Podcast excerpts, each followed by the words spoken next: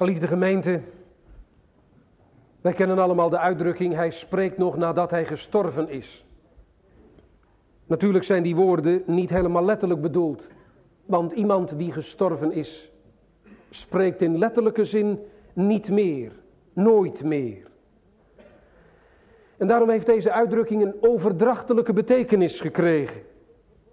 Iemand wiens levenseinde gekomen is, kan in zekere zin toch nog blijven spreken, doordat we ons zijn woorden of haar woorden herinneren, doordat hij of zij misschien schriftelijk iets nagelaten heeft.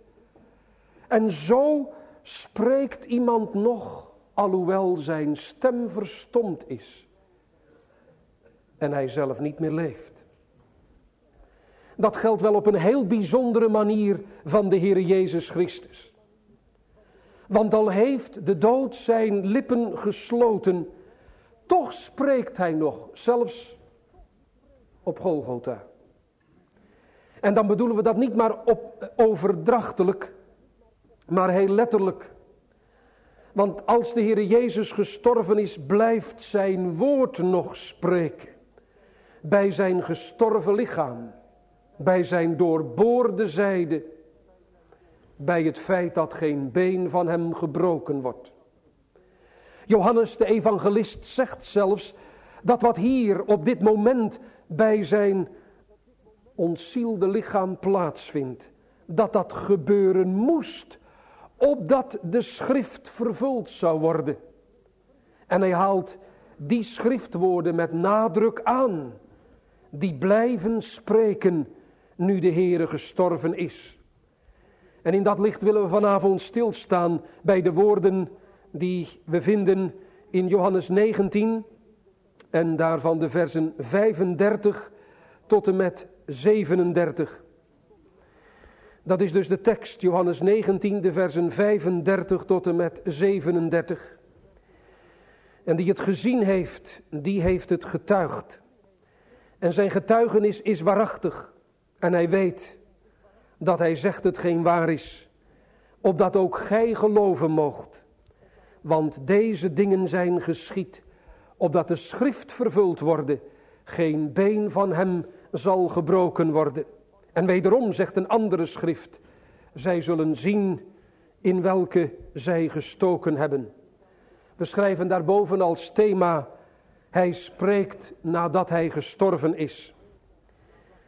En dan spreekt hij van drie dingen. In de eerste plaats van de vervulling van het woord van God. We lezen dat heel duidelijk in het begin van de tekst. Deze dingen zijn geschied, opdat de schrift vervuld zou worden. In de tweede plaats spreekt het van het vertrouwen in de zorg van God. Geen been van hem zal gebroken worden.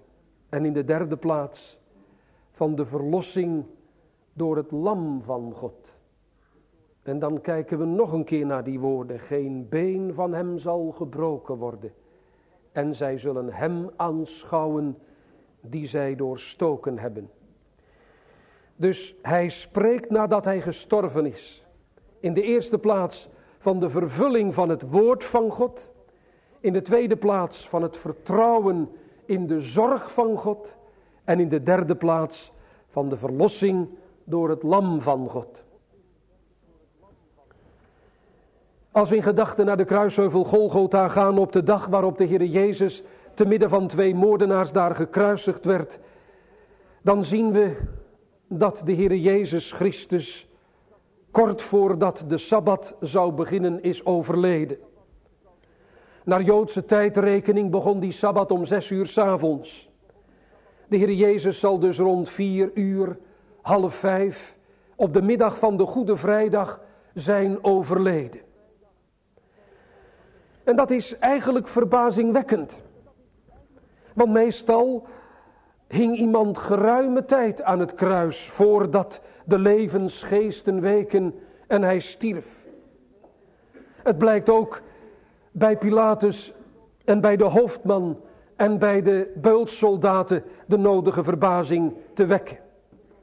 Maar in elk geval, terwijl de Heer Jezus Christus stervende is of al gestorven is, gaat er een deputatie van de overpriesters en de schriftgeleerden haastig naar Pilatus. Want nu ze zien dat ze hun zin gekregen hebben, Jezus de Christus gestorven aan het kruis, herinneren ze zich meteen dat ja, er gevaar bestaat dat een van hun dierbare wetten overtreden wordt. Er staat in de wet van Mozes dat wanneer iemand aan een hout gehangen wordt, nadat hij ter dood veroordeeld is, dat zijn lichaam niet aan het hout mag blijven hangen gedurende de nacht, maar dat het voordat de avond valt begraven moet worden. En bovendien was daar ook nog het feit dat de Sabbat eraan kwam. En die Sabbat was nota bene een grote Sabbat, dat wil zeggen een heel belangrijke Sabbat, want op die Sabbat viel het begin van het paasfeest. En al die redenen tezamen zijn de aanleiding dat ze naar Pilatus gaan en vragen of dat de dood van de kruiselingen bespoedigd kan worden en deze mensen van het kruishout kunnen worden afgenomen wanneer ze gestorven zijn en begraven kunnen worden, want hun wetten zouden toch eens overtreden gaan worden. U voelt het schrijnende gemeente van dit wat hier gebeurt. Terwijl de wet van God enerzijds met handen en voeten overtreden wordt door heiden en door jood, omdat Jezus Christus, Gods Zoon, onschuldig aan het kruis genageld is. Terwijl men onschuldig een gerechtelijke moord begaat, moet er een klein farisees wetje zo nodig gehouden worden. Spurgeon heeft niet voor niets gezegd in een preek over dit gedeelte, dat de meeste uiterlijke religiositeit, de meeste uiterlijke godsdienstigheid woont in een hart dat dood is. Dat is een scherp woord. Maar het is hier waar. Heel wat uiterlijke godsdienstigheid woont in een hart wat geestelijk dood is. En dan moeten er allerlei wetjes die wij belangrijk vinden gehouden worden, terwijl het allergrootste over het hoofd gezien wordt.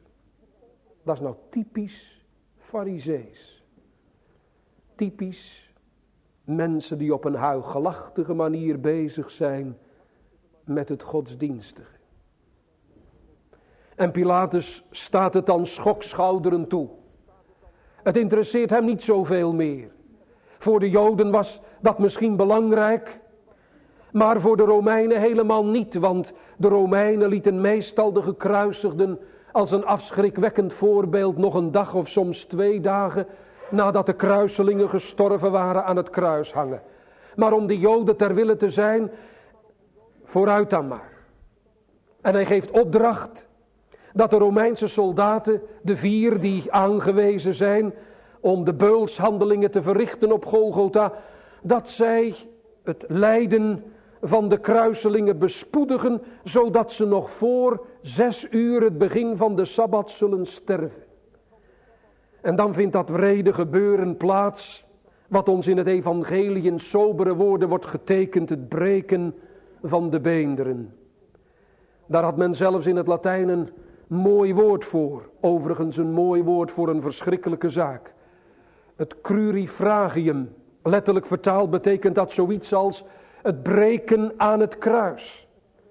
Dat gebeurde soms als het lijden van de kruiselingen te lang duurde. U moet weten dat meestal wanneer iemand gekruisigd was, zijn lijden verlengd werd doordat op dat kruis een klein dwarshoutje zat of een klein blokje zat, waarop de voeten van de gekruisigde gebonden of genageld waren. En zolang hij zich kon uitrekken en met zijn voeten op dat blokje kon steunen, werden de levenskrachten verlengd en stierf een gekruisigde niet zo snel. Het kon soms dagen duren dat iemand aan het kruis hing te lijden en hing te sterven. En als men daarom het lijden wilde bespoedigen en het sterven wilde bespoedigen, dan moest men ervoor zorgen dat het onmogelijk was dat men op dat blokje steunde, want dan trad de dood, meestal de verstikkingsdood, des te spoediger in.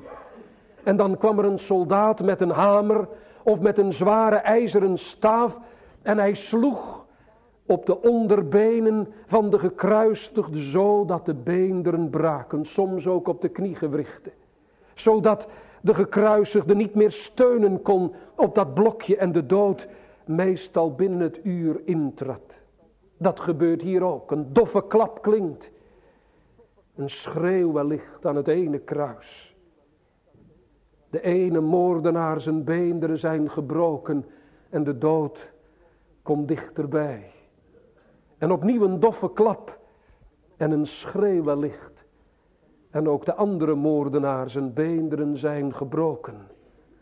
Maar dan komen ze bij het middelste kruis en dan zien ze tot hun verbazing dat de Heer Jezus al gestorven is. En dan pakt een van die soldaten, om maar zeker te zijn dat het echt zo is, een speer en steekt die in de zijde van de Heer Jezus Christus. En dan komt er bloed en water uit. Bloed met vocht gemengd. Zo zullen we dat moeten verstaan. Wat is daarvan de bedoeling?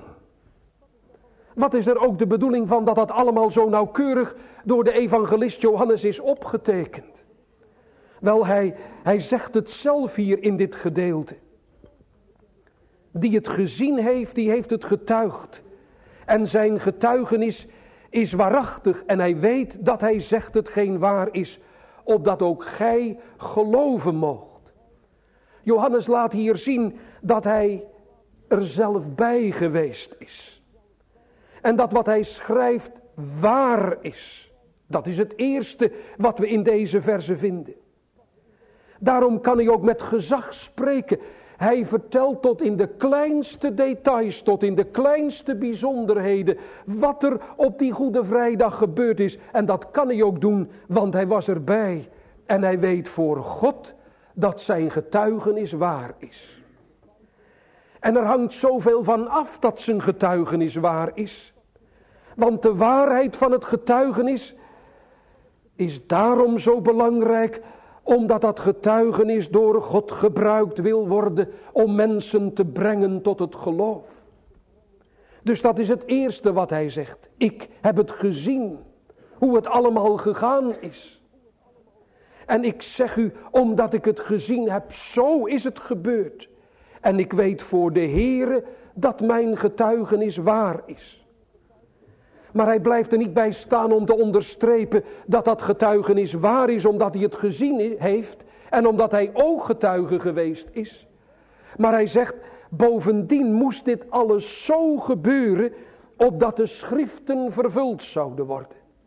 Dus zelfs in wat er met het lichaam van de gestorven Heere Jezus gebeurt, zelfs wat daarmee gebeurt is nog van betekenis omdat de schriften daarin vervuld worden.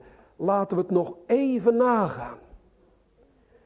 Hoe kwamen die soldaten naar het kruis van de Heer Jezus toe? Wel, ze kwamen met die opgeheven hamer en met die opgeheven staaf om ook hem de benen te breken. Als u aan die soldaten gevraagd zou hebben, laten we zeggen vijf of tien minuten voordat ze bij de gestorven Heer Jezus kwamen, wat gaan jullie doen? Wel, we gaan de benen breken van de gekruisigden. Dat was hun voornemen.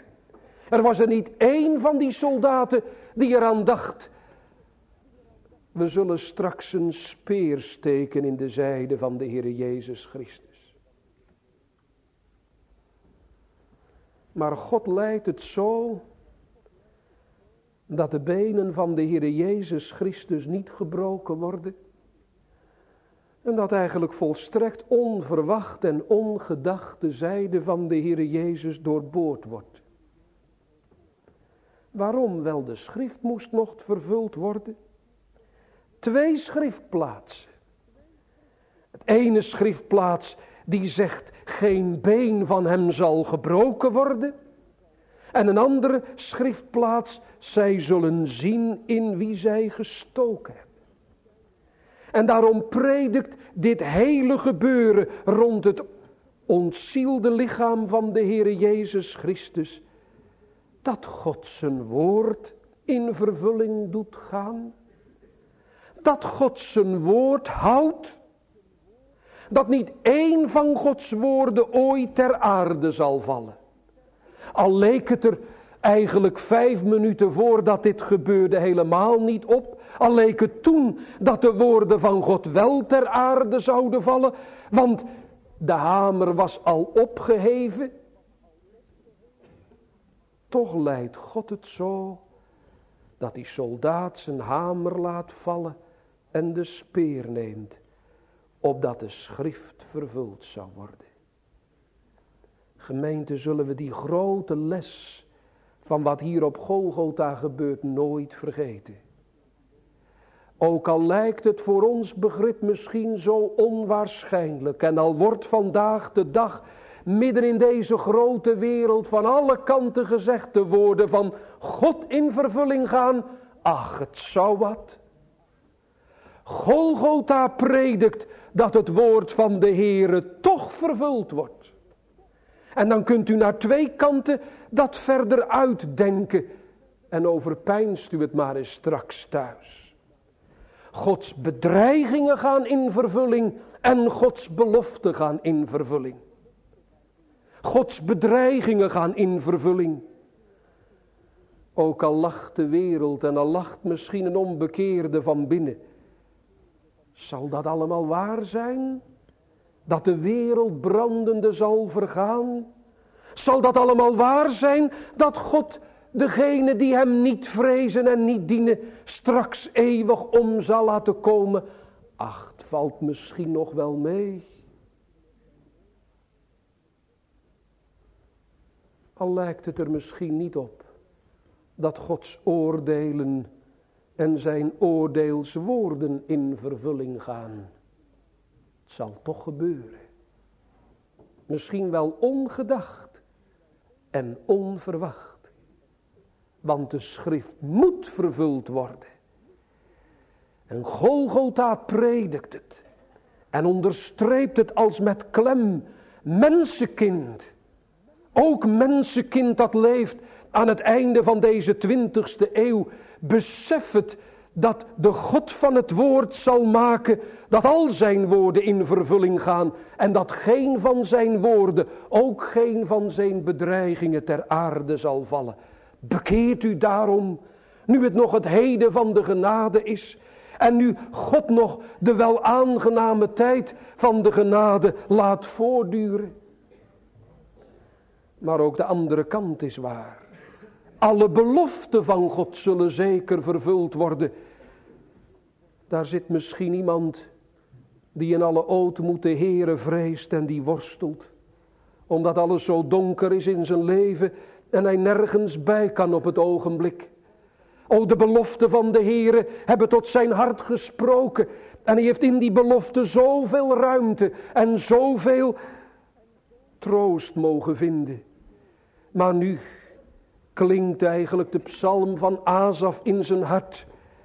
Zouden Gods beloftenissen immer haar vervulling missen. Eindeloos worden afgewacht van geslachte tot geslacht. Ja, je kan zo vastlopen met de woorden van de Heere. Als het oud vertrouwen ontbreekt. En als alles zo toegesloten is. O, al lijkt het er niet op. Al is het misschien nog zo donker. Gods beloften worden zeker vervuld. Zie op Golgotha. Want daar moest de schrift vervuld worden. Tot in de letter toe. Daar waakte God over. En dan leek het eigenlijk toen die soldaten daar kwamen met hun staven en hamers. Onmogelijk dat die tekst uit het Oude Testament in vervulling zou gaan, die oude belofte. Toch deed God het in een ogenblik. Zeg, zou hij dat ook in uw leven, vanwege het bloed van de Heere Jezus Christus, die alle beloften van God met zijn dierbaar bloed heeft ondertekend en verzegeld. Zou de Heere dat nu nog niet kunnen doen? Hij houdt getrouw zijn woord. Zelfs al zien we het niet. Zelfs al is het donker. van zijn kant ligt het vast.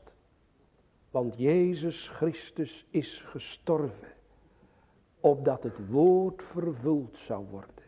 Alle woorden van God. Ja, en wat zeggen die woorden dan? Wel, die woorden, het zijn er twee. Opdat de schrift vervuld zou worden.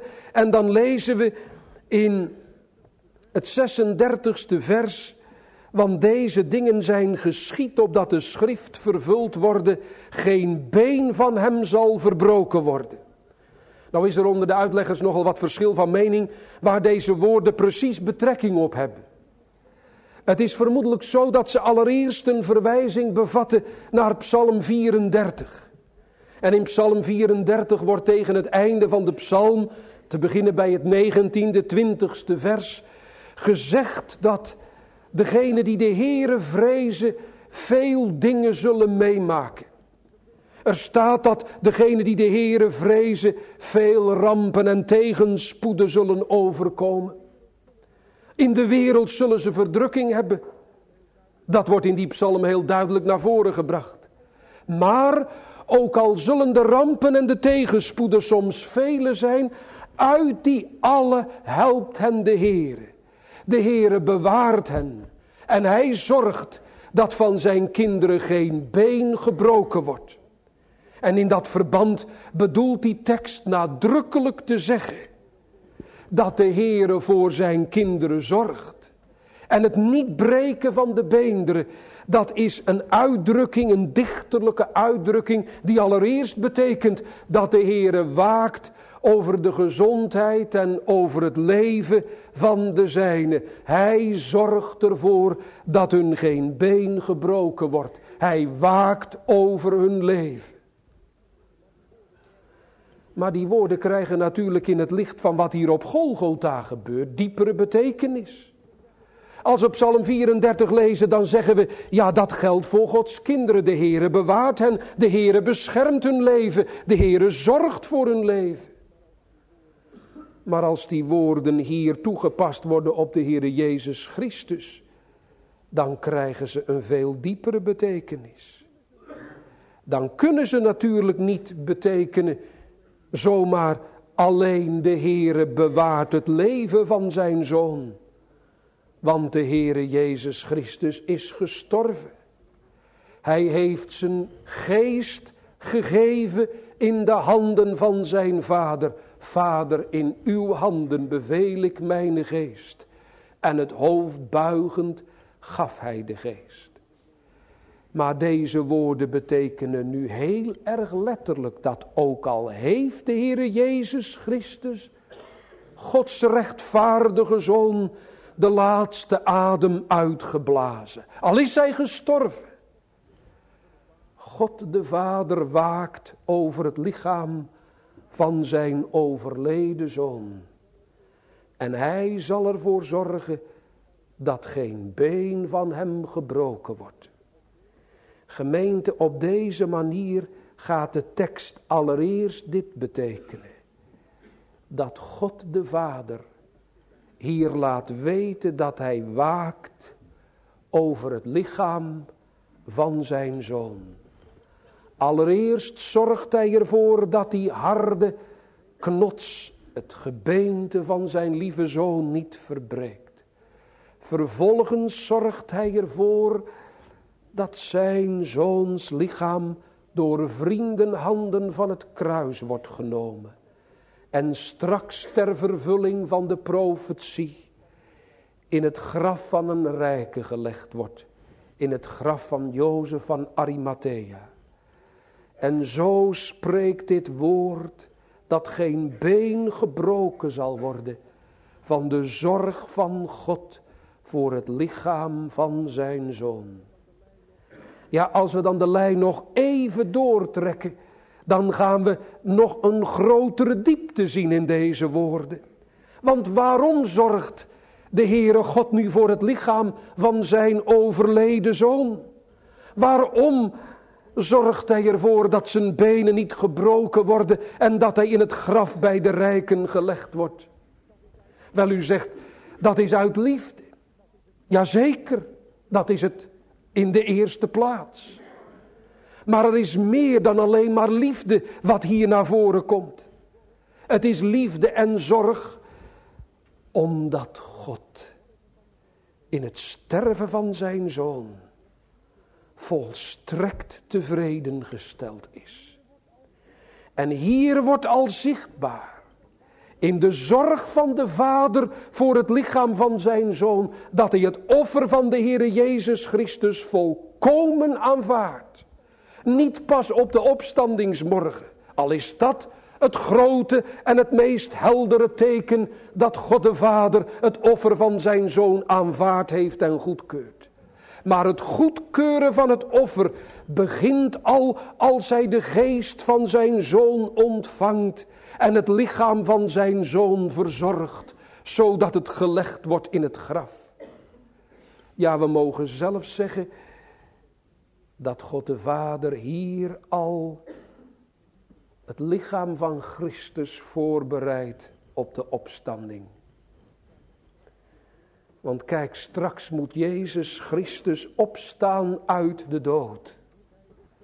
Straks moet hij de dood overwinnen in eigen kracht.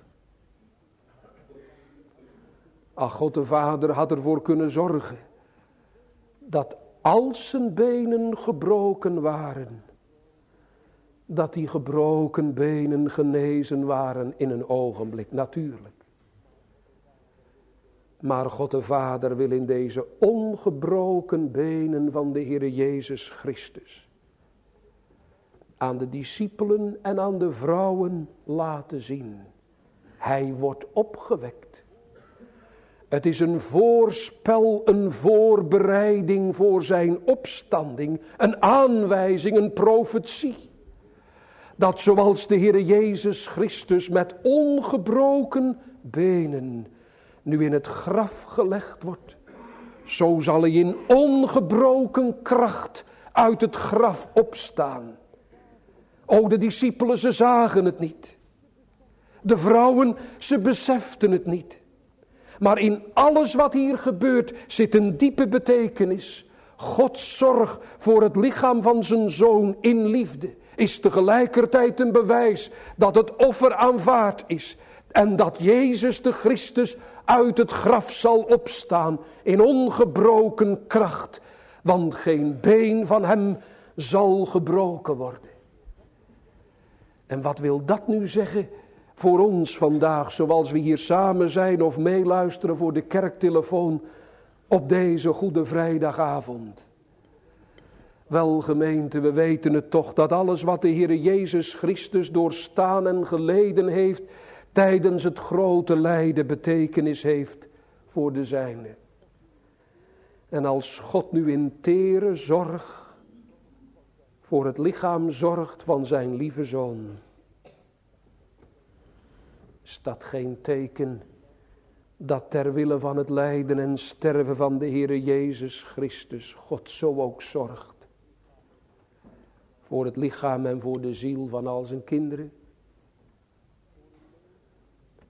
Voor hun leven, wanneer ze nog leven mogen. Psalm 34 zegt het van Gods kinderen dat ook al wedervaart hen veel,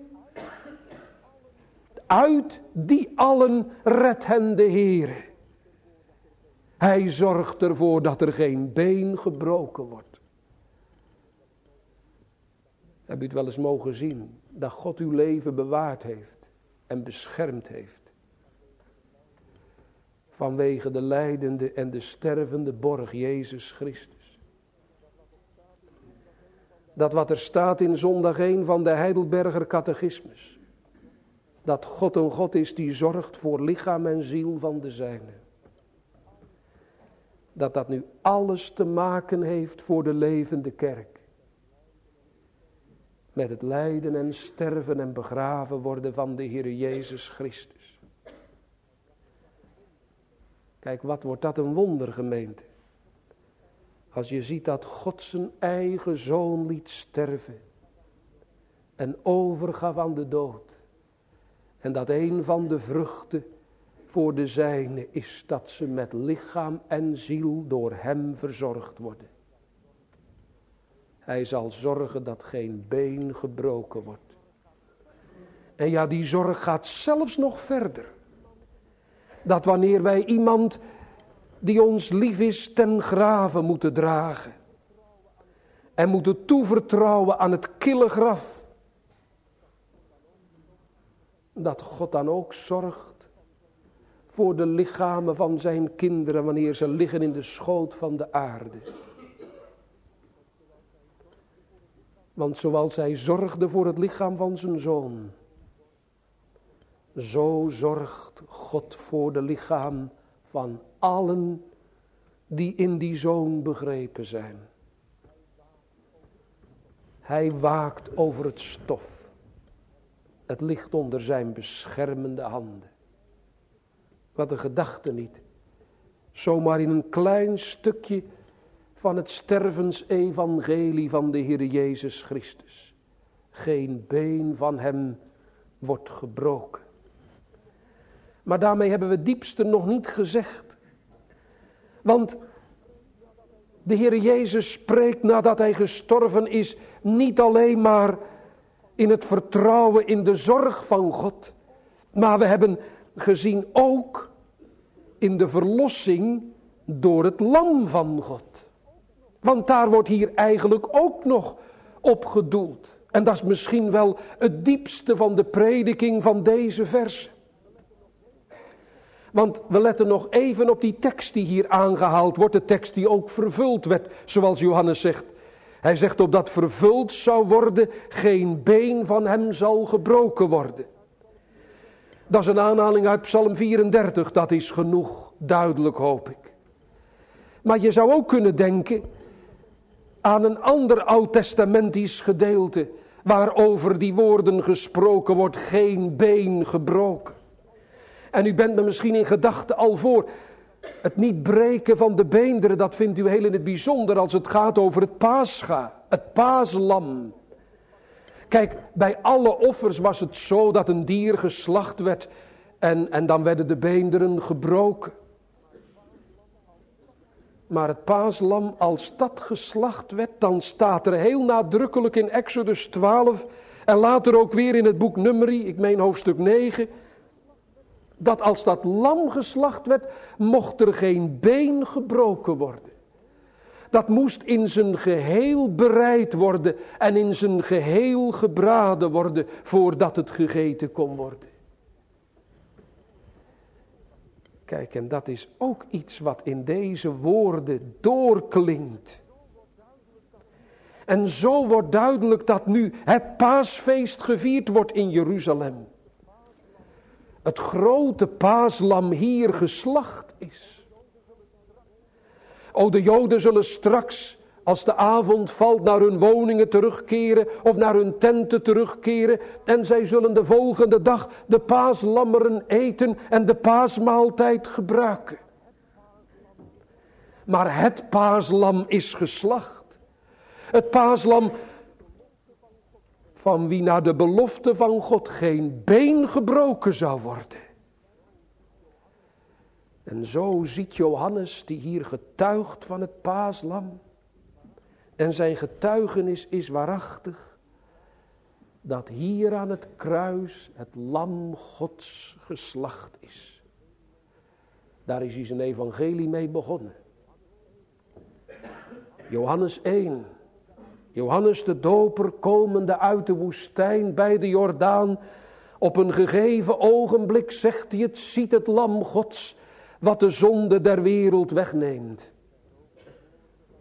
En het zijn ook de woorden van diezelfde evangelist in deze laatste berichten over het sterven en begraven worden van de Heer Jezus Christus. Geen been van hem zal gebroken worden. Zie het paaslam Gods dat de zonde der wereld wegneemt. Kijk, en zo krijgt het lijden en sterven en begraven worden van de Heere Jezus, zoals het hier beschreven wordt in het evangelie, zijn echte, diepe betekenis. Want als zo op een wat verhulde wijze de betekenis van het lijden van Christus hier wordt aangegeven. Dat Hij het paaslam is. Dan betekent dat dat Jezus niet maar gestorven is als een martelaar. Als iemand die sterft voor een goede zaak. Als iemand met wie de vrouwen van Jeruzalem medelijden konden hebben. Maar dat hij hier gestorven is vanwege de zonde. Om de straf te dragen, om de schuld te boeten. En daar wijzen die andere woorden die we aan het slot van onze tekst lezen ook nog eens een keer op. Want Johannes voegt eraan toe en wederom zegt een andere schrift en die moet ook vervuld worden. En zij zullen zien in welke zij gestoken hebben. U weet misschien dat dat een woord is uit de profetie van Zacharia, hoofdstuk 12, het tiende vers staat het. Ik zal uitstorten de geest der genade en der gebeden, zegt de profeet daar. En zij zullen mij aanschouwen die zij doorstoken hebben. En zij zullen bitterlijk kermen en weeklagen als over een eerstgeborene. Dat is een moeilijke tekst. Een diep woord. De profeet Zacharia kondigt daaraan dat er een heilstijd zal komen. Een messiaanse tijd, een tijd waarin de Messias zal heersen. En dan zegt de Heere God, in die tijd zal ik de geest uitstorten, de geest der genade en der gebeden. En als die geest wordt uitgestort, dan zullen ze mij zien die zij doorstoken hebben. En zij zullen bitterlijk kermen en weeklagen. En dan staat er even verder aan het begin van het dertiende hoofdstuk. Te dien dagen zal er een fontein geopend zijn in Jeruzalem tegen de zonde en tegen de onreinheid. Nou, al die woorden moet u hierbij betrekken. De profetie dat de geest zal komen. De profetie dat ze de doorstoken God, de doorstoken Christus zullen zien. De profetie dat ze zullen rouwklagen. En de profetie dat er een fontein geopend is tegen de zonde en tegen de onreinheid. Want ziet u, Jezus Christus is gestorven. Hij is het paaslam. Geen been van hem is gebroken. Maar hij is ook de zoon van God. En dat hebben de Joden en de heidenen, de zonen van Abraham en de vertegenwoordigers van het Romeinse gezag, dat hebben ze gedaan. De zoon van God aan het kruis genageld en doorstoken. Wie ziet het? Ach, op het moment dat de Heer Jezus Christus zijn geest geeft in de handen van zijn vader, ziet eigenlijk niemand het. Verstaat eigenlijk niemand het. Maar zodra hij de geest gegeven heeft, is er één aan de voet van het kruis tot wie het begint door te dringen. Die Romeinse hoofdman, die centurio, die zegt waarlijk, deze was Gods zoon. En sommige van degenen die rondom het kruis gejoeld hebben in hun spot, anderen heeft hij verlost, dat hij nu zichzelf verlossen en ons, ze zijn naar Jeruzalem teruggekeerd, slaande op hun borst het teken van rouw en het teken van vroeging. En zo'n 40, 50 dagen later, op de Pinksterdag, ziet u het helemaal in vervulling gaan. Dan ontdekken ze in het licht van de scherpe prediking van een Petrus wie ze doorstoken hebben. Dan zien ze de betekenis van die wonden in zijn zijde en van het bloed in zijn handen van die gestorven, gekruisigde Jezus Christus. En ze rouwklagen, want ze zeggen, mannen, broeders, wat moeten wij doen om zalig te worden? Ze zien dat ze door hun zonde de Heer Jezus Christus aan het kruis hebben genageld. En dat zij door hun zonde hem al die smarten en jammeren hebben aangedaan. Ze zullen hem zien, de welke zij doorstoken hebben. Het lam van God doorstoken door onze zonde. Gemeente hebben we zo het woord van de gekruisigde wel eens mogen lezen. Hebben we zo de gestalte van de gekruisigde met het oog van ons hart wel eens mogen zien. Dat wij door onze zonde die bittere, zware weg nodig hebben gemaakt. Dat wij door onze schuld zijn kroon hebben gevlochten en zijn beker gevuld. Ach, weet u, bij Golgotha worden we altijd herinnerd aan onze zonde. Worden we altijd herinnerd aan de straf op de zonde. Worden we altijd herinnerd aan het verschrikkelijke wat de zonde hem gekost heeft. En weet u wat zo erg is? Dat zoveel mensen die betekenis van het kruis niet verstaan. Dat verstaat het bagminnend elitepubliek niet. Wat de kerkdiensten niet bezoekt, maar wel ieder jaar de Matthäus Passion bijwoont. En ook nog een traantje wegpinkt aan het eind. Als er gezongen wordt dat we ons met tranen neerzetten. Want dat zijn alleen maar cultuurtraantjes. Dat verstaat het oppervlakkige christendom van vandaag niet. Dat eigenlijk met het lijden van de Heer Jezus Christus geen raad weet. Omdat ze geen weet hebben van hun zonde en van hun schulden. En daarom dat lijden van de Heer Jezus Christus maar in verband brengen met het lijden van allerlei mensen die ziek zijn of van wat er allemaal gebeurd is in de Tweede Wereldoorlog. Maar ze zien niet dat zij door hun schuld zijn kroon hebben gevlochten en zijn beker gevuld. Dat ziet ook een rechtzinnige jongen of meisje uit onze reformatorische kringen niet. Die zomaar eigenlijk oppervlakkig doorleeft. En probeert, misschien wel binnen de paden levend, en dat is goed op zich, van dit leven te genieten. En de gedachte aan de bekering heel ver weg schuift. Komt later wel. Nu niet zo somber.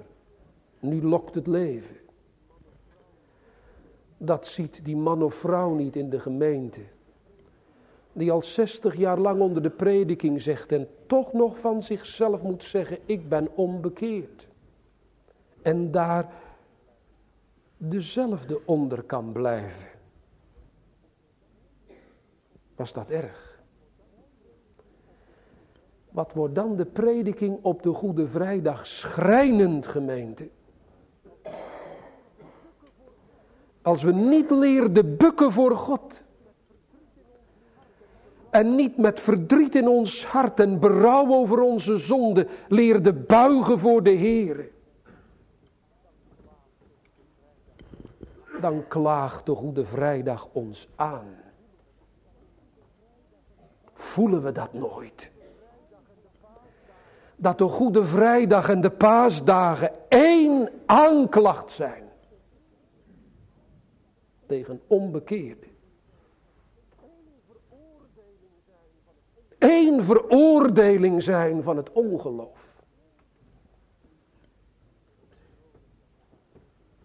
Oh, wat is nodig dat we dan bukken vanavond. En misschien wel met tranen in onze ogen en in ons hart zeggen, Heer, nou ben ik nog onbekeerd. En ik heb al tien jaar, al twintig, al 37, al 63 jaar de Goede Vrijdag preken meegemaakt. Jezus Christus, zoals een Engelse dichter het zo schoon zegt werd me uitgeschilderd als hangende aan het hout. Maar mijn oog zag hem niet en mijn hart verstond hem niet. En mijn ziel had hem niet nodig. Want kijk gemeente, als we werkelijk met onze zonde gaan worstelen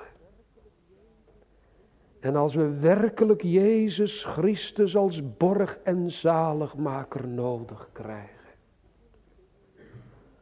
Hoe verschillend de Heere dat ook doet. Dan gaan we iets verstaan van dat woord wat we aan het slot van onze tekst lezen. En zij zullen hem aanschouwen die zij doorstoken hebben. Och, ik weet, in het begin van het geestelijke leven kan je je zonde misschien meer en dieper leren kennen wanneer de Heer vanuit de eisen van zijn wet komt. Of misschien dat je vernederd wordt onder de tekenen van zijn goedheid, zoals Paulus schrijft in Romeinen 2. Doorgaans pas later dat je meer in gaat leven, dat nu die zonden ook zonden zijn tegen die gekruisigde Heer Jezus Christus. Maar hoe ook de weg van de Heer is in uw of jouw persoonlijke leven. Wie Christus nodig krijgt als borg en zaligmaker. Leert de droefheid over de zonde. U kent misschien dat oude rijmpje van die in onze kringen nog wel wat bekende dichter P. Huet. Die daarover toch zo diep gezongen heeft in de vorige eeuw. Onder de ijzeren nagelpunt, die uw voeten houdt gebonden, zij een plaatsje mij vergund, waar ik mag wenen om mijn zonde. Geef mij, heren, de laagste plaats, zo ge mij een plaats wilt geven. Nooit heeft iemand zoveel kwaads tegen zoveel goeds bedreven. Ziet u, daar ga je iets van zien. Als je ontdekt dat Jezus Christus door mijn zonde aan het vloekhout is gebracht. Maar juist dan gaat dat andere, wat in deze woorden door de evangelist naar voren gebracht wordt, toch ook betekenis krijgen. Zij zullen door de geest der genade en der gebeden, zij zullen mij aanschouwen die zij doorstoken hebben en ze zullen treuren en weeklagen. Maar te dien dagen zal een fontein geopend zijn tegen de zonde en tegen de onreinheid. En verbindt u die twee gedachten nu eens even met elkaar. De gedachte van het paaslam wat geslacht is. Van wie geen been gebroken is. En de gedachte van de fontein die open is tegen de zonde en tegen de onreinheid. Er is een lam wat bloedt. En uit dat bloed van het lam ontstaat een fontein tegen de zonde en tegen de onreinheid. Wat dat betekent, wel laat ik het vanavond maar heel eenvoudig zeggen. Weet u, als er dan een zondig mensenkind hier in de kerk zit, die echt bij zichzelf zoveel zonde en onreinheid ziet. En als je dan misschien nog jong ik hoop het. Dat je nog jong bent. Maar het is ook voor ouderen. Dat je niet weet waar je met je zonde en met je schuld heen moet. Hoe kan ik behouden worden? Ja, dat kun je niet met een praatje goed maken. Dat kun je niet met een redeneringje in orde brengen. Dat kun je niet doen door een paar teksten uit de Bijbel naast elkaar te leggen. Daar heb je God en zijn geest en zijn woord voor nodig. En daarom kun je soms zo, zo voelen hoe onmogelijk dat is aan onze kant. Hoe alles aan onze kant afbreekt. Maar vergeet dan één ding niet. Dat waar alle hoop je ontvalt en niemand voor je lijkt te zorgen. Dat de Heere juist voor armen en voor schuldigen en voor verlorenen zijn bloed gestort heeft. En dat hij mensen die in hun armoede en ellende in geestelijk opzicht om hem verlegen zijn. Laat zien dat er nu in het bloed van de Heere Jezus Christus zo'n fontein geopend is. Dat al die zonden van mij en heel dat schuldenregister en dat pak van ongerechtigheden wat ik meedraag, al van mijn geboorte af aan, al van voor mijn geboorte af. Dat dat in die fontein kan worden weggewassen. Zouden we dan samen op de Goede Vrijdag niet bidden, Psalm 51? Samen met Psalm 65 het begin echte Goede Vrijdag avondpsalmen. Psalm 51. Was mij geheel. Zo zal ik witter wezen dan sneeuw die vers op het aardrijk nederviel. Heren, in die fontein, daar alleen is reiniging, daar alleen is bedekking. En die fontein, die is altijd leven, net zoals een bron altijd levend water voortbrengt. Zo brengt de heilsfontein die geopend is in het bloed, in de wonden van de Heer Jezus Christus, altijd vers, krachtig bloed voort. Dat betekent dat de kracht van het bloed van de Heer Jezus Christus wordt nooit minder. Joseph Hart, een van de bekendste Engelse schrijvers, dichters uit de 18e eeuw, zegt het zo mooi in een van zijn lijdensgedichten. Gij lam van God, uw dierbaar bloed zal nooit zijn kracht verliezen. Totdat heel de kerk van de levende God zalig geworden is om nooit meer te zondigen. Ziet u dat bloed van Christus, wat op Golgotha vloeide, uit zijn handen, uit zijn zijde. Dat is een fontein van altijd vers bloed, altijd nieuw bloed. Bloed wat reinigen kan, ook bijna 2000 jaren nadat zijn bloed vloeide op Golgotha. Zouden we dan samen niet vluchten naar die fontein? Zouden we samen niet smeken, Heere, was mij geheel? Ja, wanneer dat ons deel mag zijn. Dat we in dat bloed vrede gevonden hebben. Dat we de kracht van dat bloed van de Heere Jezus Christus persoonlijk hebben mogen ervaren. Ach, als dan over dat bloed gesproken is. Dan zegt u misschien wel, daar kun je niet genoeg over zeggen, daar kun je niet genoeg over zingen. Dat is waar, want dat is een eeuwig wonder.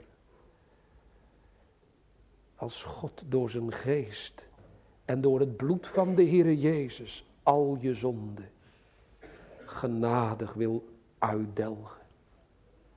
Dan mag je verwonderen over zijn genade. Roemen in het bloed van het kruis dan versta je iets van wat McShane zei in dat bekende gedicht, waar ik zo onder de preek al een paar keer iets van heb aangehaald. Nu reis ik getroost onder het heiligend kruis naar het erfgoed daarboven, naar het vaderlijk huis. Mijn Jezus geleidt mij door de aardse woestijn gestorven voor mij, zal mijn zwanenlied zijn. Amen.